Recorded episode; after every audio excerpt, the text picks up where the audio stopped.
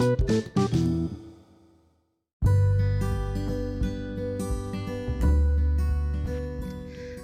semuanya, selamat datang di Ngopi Ngobrolin Pendidikan bareng Dita. Kali ini kita bakal kupas tuntas konsep pendidikan menurut Ki Hajar Dewantoro. Mungkin selama ini kita mengenal Ki Hajar Dewantoro sebagai seorang bapak pendidikan Indonesia. Namun tidak banyak dari kita benar-benar mengetahui kenapa sih Ki Hajar Dewantoro itu sampai disebut dengan Bapak Pendidikan dan sebenarnya bagaimana sih konsep pendidikan yang ditawarkan oleh Ki Hajar Dewantoro ini sampai beliau diberi gelar Bapak Pendidikan Indonesia. Nah, jadi kalau menurut Ki Hajar Dewantoro, pendidikan itu sejatinya adalah tentang menuntun makanya sering juga dikenal dengan sistem Among. Nah, maksudnya apa? Dari menuntun itu adalah membangkitkan potensi anak agar mereka menjadi manusia seutuhnya yang selamat dan bahagia. Nah, Ki Hajar Dewantoro ini lalu merumuskan tujuan pendidikan dalam tiga buah hierarki, uh, tiga dalam satu buah hierarki yang berisi tiga tingkatan. Yang pertama adalah Hamamayu Hayuning Sariro. Jadi, pendidikan itu membuat dirimu terjamin. Diri kita terjamin sebagai manusia yang seutuhnya, yang bisa berdiri di atas kakinya sendiri, yang bisa merdeka untuk belajar sesuatu, yang selamat dan berbahagia di kemudian hari. Ketika diri kita sudah terjamin ini, maka akan muncul yang namanya Hamemayu Hayuning Bongso atau pendidikan membuat bangsa kita terjamin.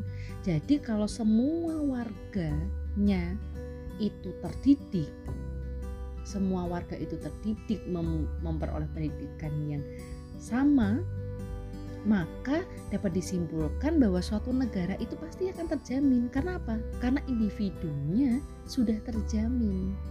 Nah, baru bisa dibentuk yang namanya Hamemayu Hayuning Bawono atau pendidikan itu membuat alam terjamin. Jadi ketiganya itu seperti membuat membentuk sebuah hierarki dari diri sendiri, kemudian bangsa, baru ke alam semesta ini. Nah, karena oleh sebab itu karena untuk memenuhi hierarki itu akhirnya Ki Hajar Dewantoro itu membentuk yang namanya disebut dengan patrap triloko atau dasar dasar triloko. Ini adalah konsep pendidikan yang digagas oleh Ki Hajar Dewantoro. Mungkin kita sudah sangat akrab dengan istilah ini tapi kita jarang tahu kalau itu adalah patrap triloko. Itu adalah Ingarso Song Tulodo ing madya mangun karso tuturi handayani jadi kita mulai dulu dari ing ngarso sung tulodo di depan itu memberikan teladan yang baik. Berarti guru itu harus memberikan teladan yang baik. Jadi apa pun dirimu punya ilmu apa pun kamu punya jabatan apa pun kamu ketika posisimu itu ada di depan maka tugasmu itu adalah memberikan tulodo atau contoh. Nah posisi guru itu kan kita sebagai contoh atau teladan bagi siswa-siswanya. Bagaimana kita mengharapkan seorang siswa itu mau belajar kalau kita sendiri tidak pernah belajar? Ada yang lebih kuat dari kata-kata. Itu adalah keteladanan. Itu adalah keteladanan. Kak, kita sebagai guru bisa aja menyuruh ayo kalian cepat belajar biar kalian itu masa depannya terjamin biar kalian pintar biar kalian nanti menjadi orang yang berguna itu akan kalah kuat dengan ketika kita menunjukkan kepada siswa bahwa kita tuh belajar setiap hari kita tuh juga mempelajari ilmu baru, kita mempelajari berita baru, kita hadirkan apa yang kita pelajari itu di dalam kelas.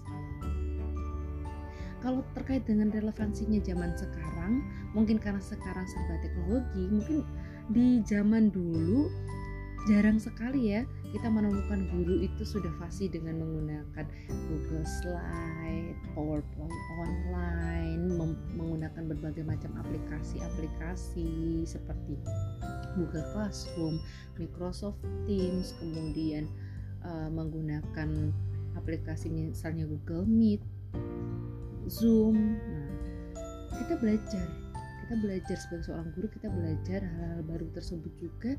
Dan kita setelah belajar hal-hal baru tersebut kita bawa bawa ke dalam kelas kita.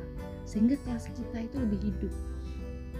Jadi sebelum pandemi ini mungkin uh, saya sendiri kurang familiar nih. Aku sendiri kurang familiar dengan yang namanya uh, Zoom.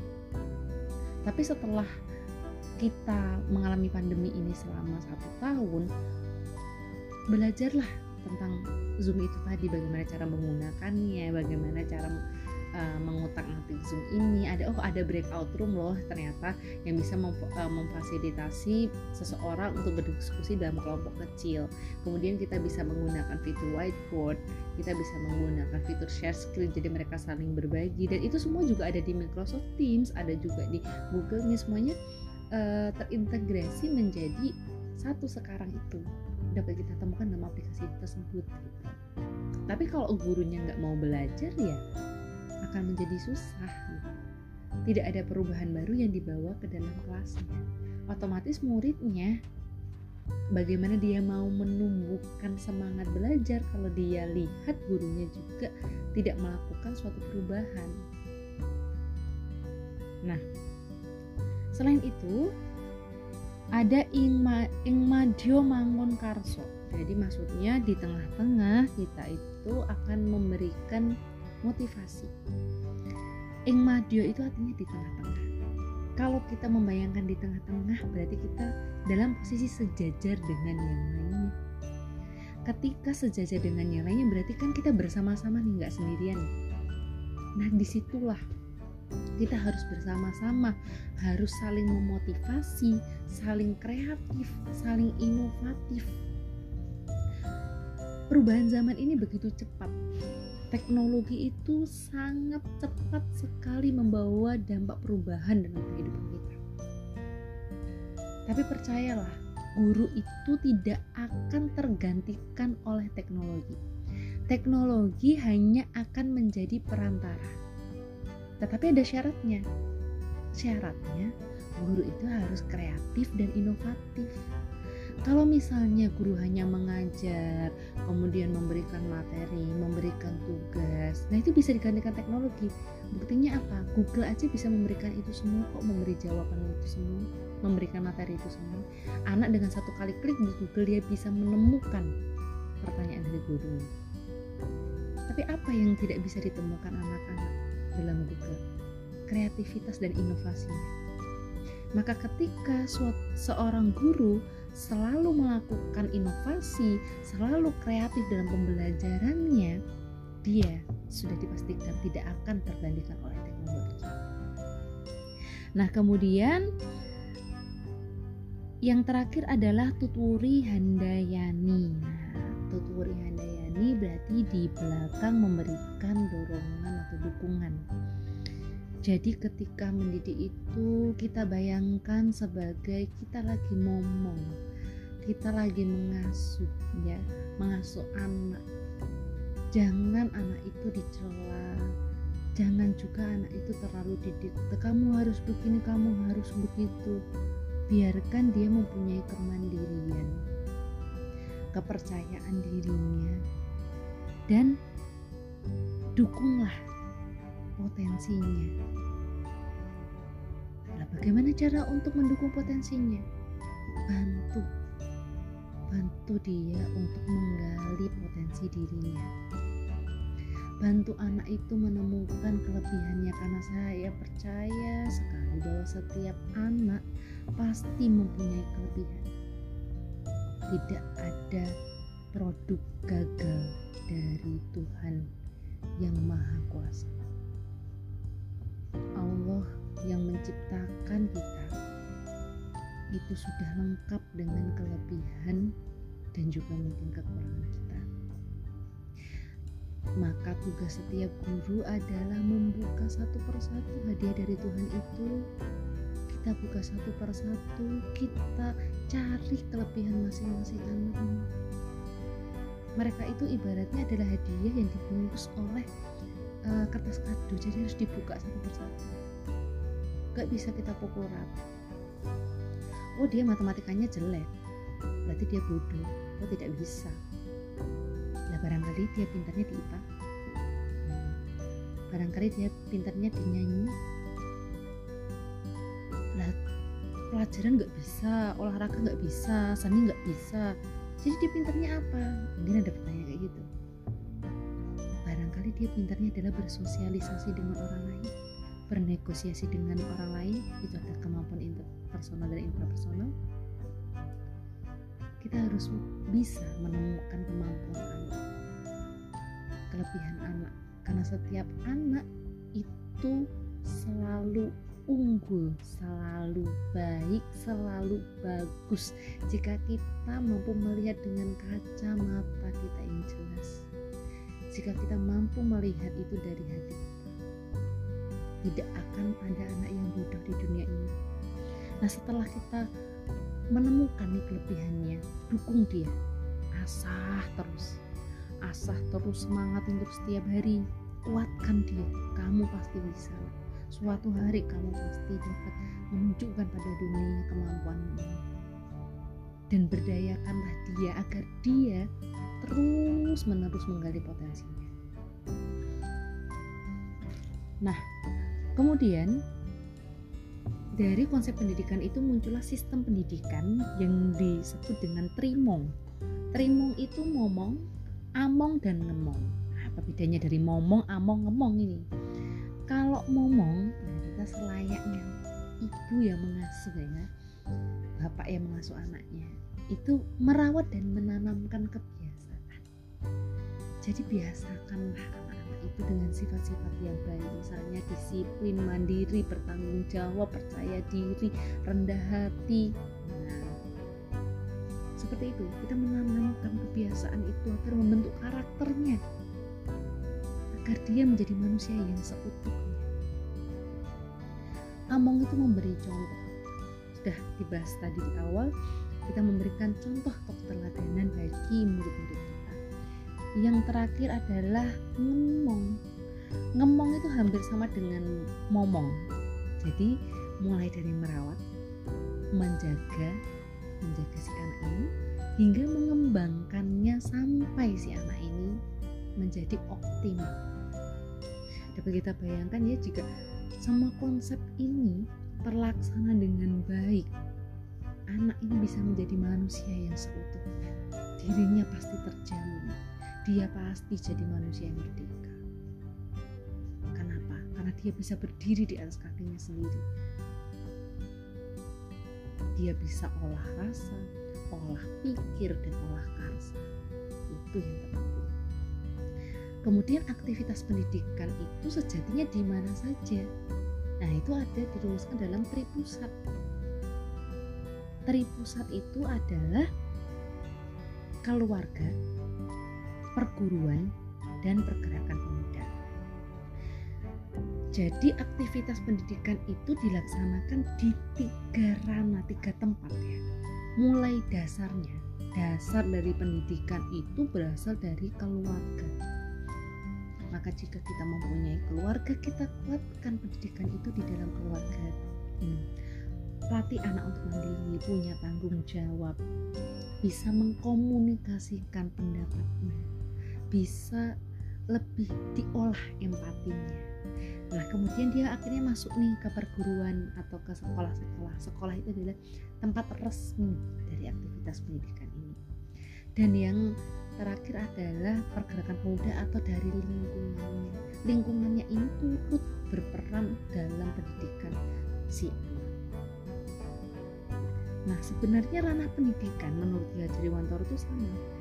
Sama seperti yang ranah-ranah yang selama ini kita kenal. Di sini ada trimo, yaitu ngerti, ngeroso, dan ngelakoni nah,